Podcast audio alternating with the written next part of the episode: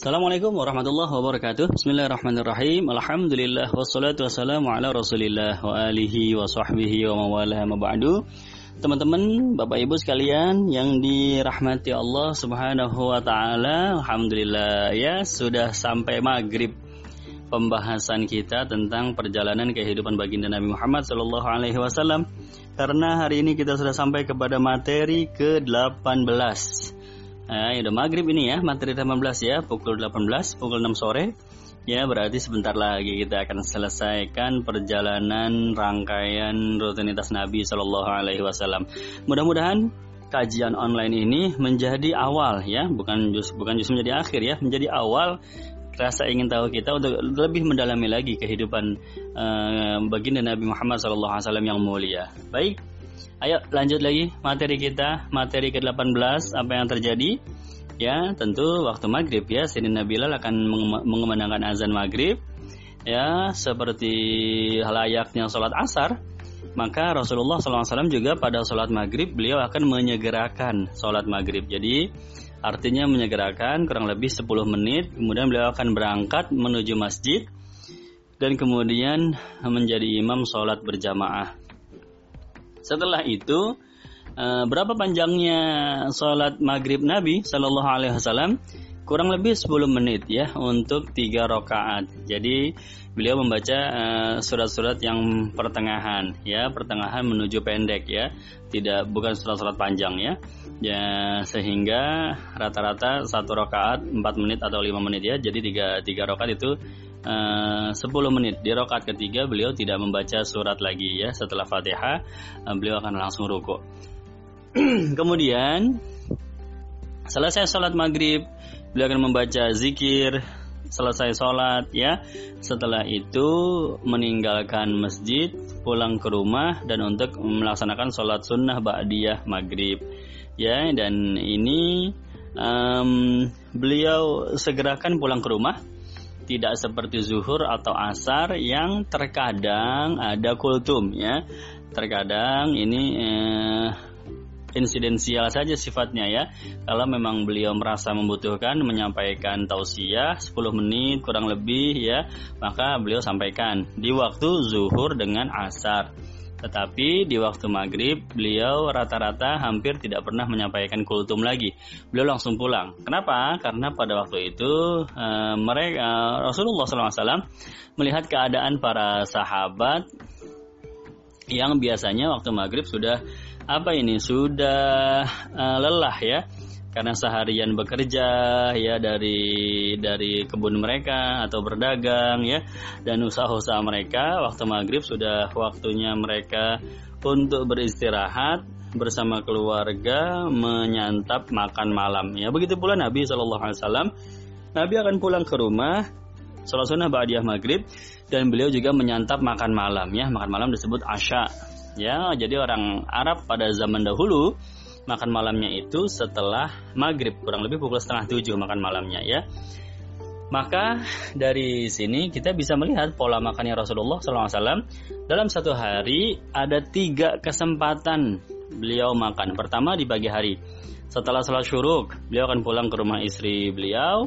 Ya kemudian di situ e, disajikan makan pagi. Kalau ada makanan beliau makan, kalau tidak ada beliau tidak makan.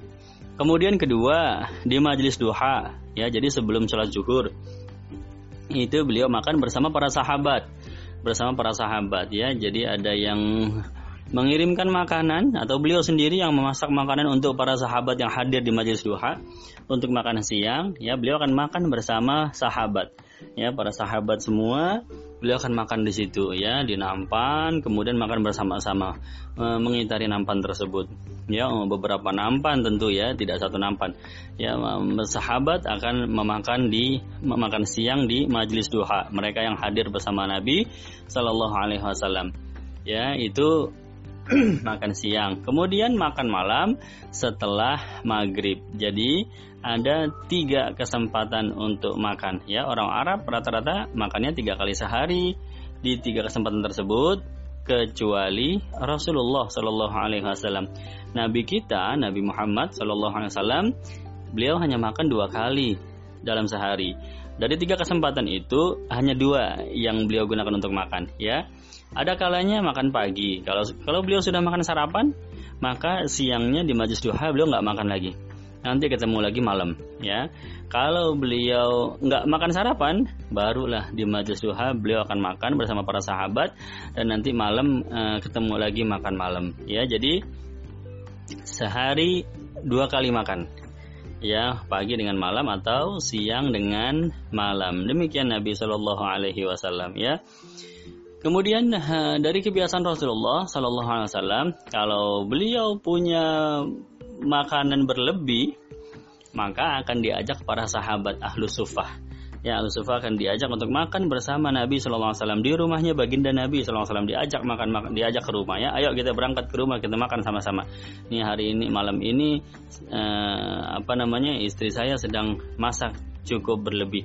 Maka diajak gitu ya. Subhanallah. Itu jumlahnya bisa sampai 10 orang muat itu masuk ke rumahnya Nabi ya kamar kamar apa namanya eh, ruang tamunya Rasulullah SAW itu kan ukurannya 4 kali 2,5 ya 10 meter persegi. Insya Allah cukup untuk 10 orang ya kemudian disediakan nampan di situ makan bersama-sama dengan Nabi Muhammad Shallallahu Alaihi Wasallam. Makan dari pinggirnya pinggirnya sampai lama-lama ke tengahnya ya. Begitu cara Nabi mengajarkan para sahabat. Bayangkan betapa uh, bahagianya ya betapa uh, senangnya para ahlu sufah mendapatkan kehormatan seperti ini. Ya ini salah satu cara Rasulullah SAW untuk membesarkan hati para ahlu sufah ya ahlu sufah itu mereka masuk Islam ya kemudian mereka tidak punya harta benda tidak punya rumah tinggalnya di masjid ya. Mereka golongan fukara wal masakin. Ya dan uh, Itulah sebabnya Nabi Muhammad SAW ya membesarkan hati mereka. Di satu sisi mereka miskin, tidak punya apa-apa, tapi di sisi lain justru mereka dapat kehormatan bisa makan di rumahnya Nabi Shallallahu Alaihi Wasallam bersama Nabi Shallallahu Alaihi Wasallam dan yang masak makanan itu adalah ummahatul mukminin ibunya orang-orang mukmin, istrinya Nabi loh yang masak makanan ini ya Shallallahu Alaihi Wasallam. Jadi uh, luar biasa uh, bagaimana uh, cara Nabi untuk me membesarkan hati mereka para sahabat ahlus sufah ya.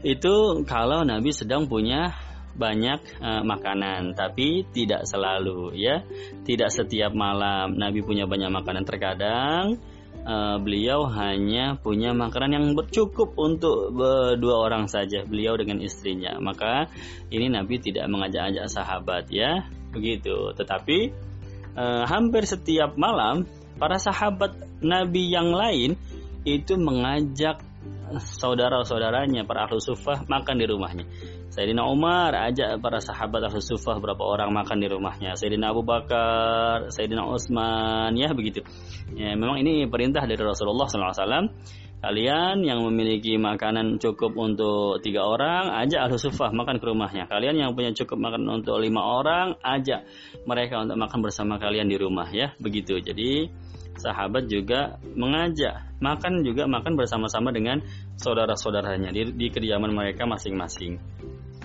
Nah Rasulullah Shallallahu Alaihi Wasallam kalau kalau tidak punya makanan maka beliau hanya makan berdua dengan istrinya ya pada malam itu dan itu dimanfaatkan uh, betul-betul untuk menjalin apa namanya keharmonisan rumah tangga. Ya beliau sangat apa namanya memanfaatkan momentum tersebut.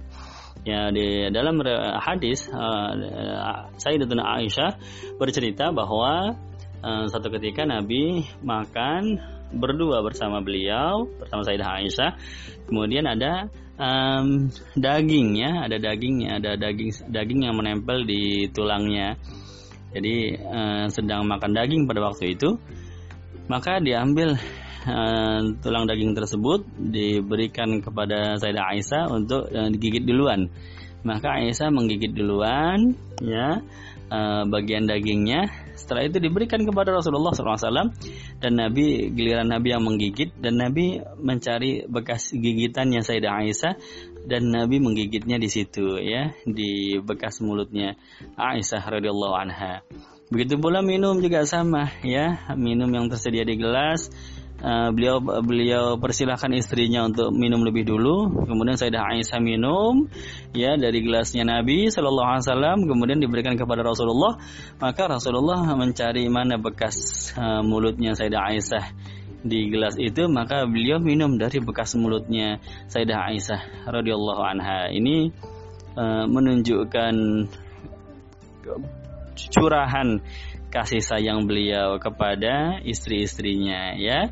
Ini kalau cerita-cerita tentang Nabi dengan Sayyidah Aisyah itu artinya terjadi kepada seluruh istri beliau yang lain ya bukan hanya kepada Sayyidah Aisyah saja ya namun memang dalam hal meriwayatkan hadis ya uh, Sayyidah Aisyah yang paling banyak bercerita istri-istri beliau yang lain tidak banyak bercerita. Padahal terjadi juga cuman tidak diceritakan. Maka eh, yang sering kita dengar Nabi kalau bersama istrinya ya dengan Aisyah ya.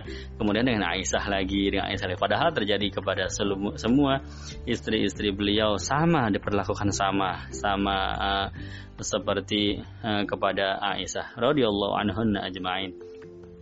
Itu ya jadi bisa jadi. Nabi makan bersama para sahabat, bisa pula Nabi hanya makan berdua saja, dan yang lebih seringnya lagi yaitu eh, nomor satu dan nomor dua itu yang jarang-jarang terjadi. Yang lebih seringnya lagi Nabi tidak punya apa-apa untuk dimakan ya. Kecuali hanya kurma dan air putih. Ya maka Nabi cukup makan dengan kurma dan air putih ya tiga butir atau lima butir atau atau tujuh butir. Kemudian minum air putih selesai.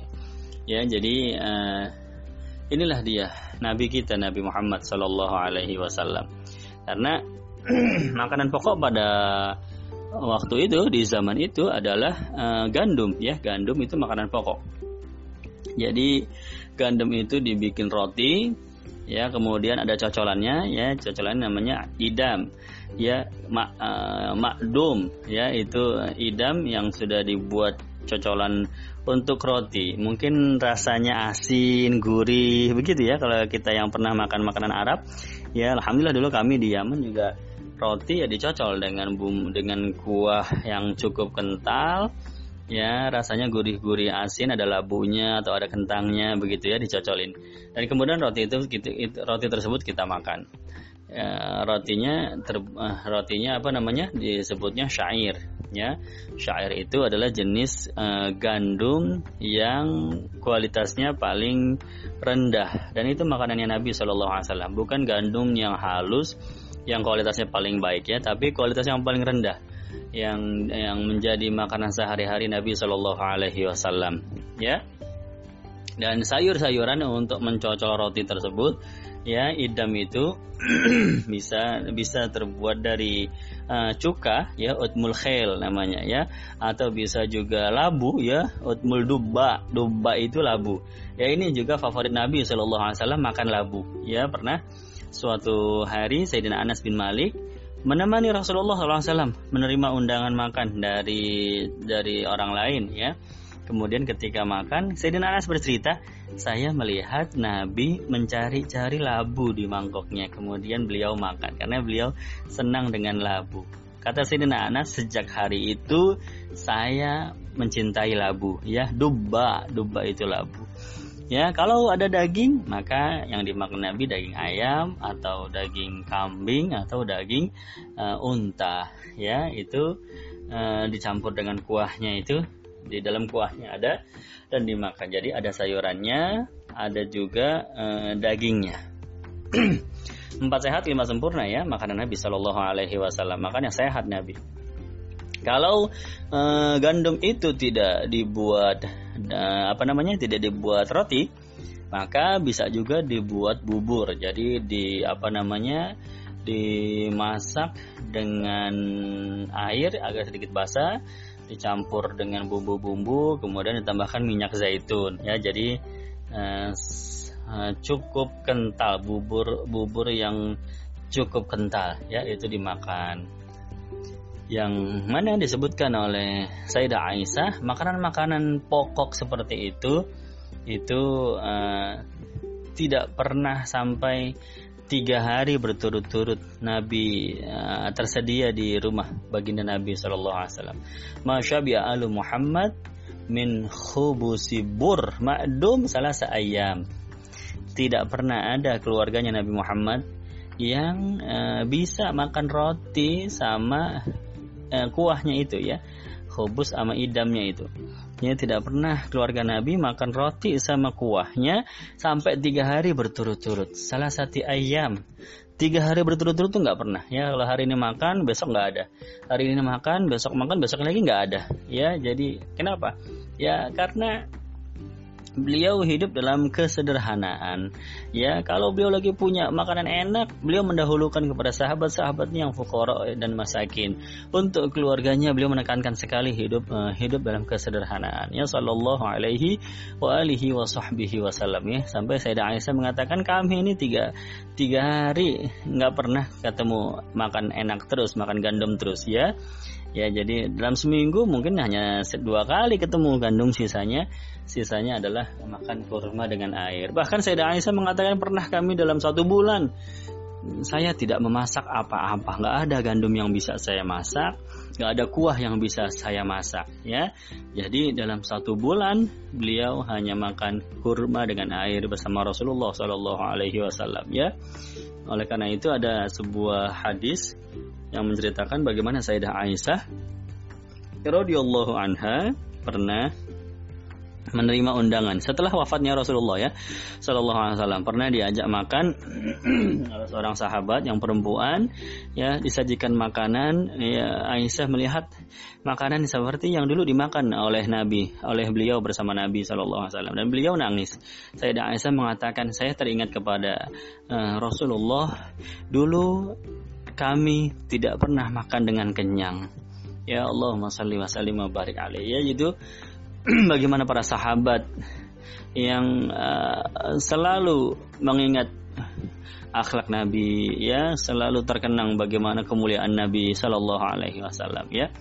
Jadi itulah dia um, pola makan Rasulullah SAW apa yang dimakan oleh Nabi ya seperti itu uh, menu-menu makanan Rasulullah SAW dan untuk uh, minumannya beliau minum uh, air putih atau air zam-zam atau beliau juga minum susu kalau lagi ada susu atau beliau juga suka merendam air putih dengan kurma ya di pagi hari nanti di malamnya di di malamnya itu beliau minum ya rendaman air dengan kurma.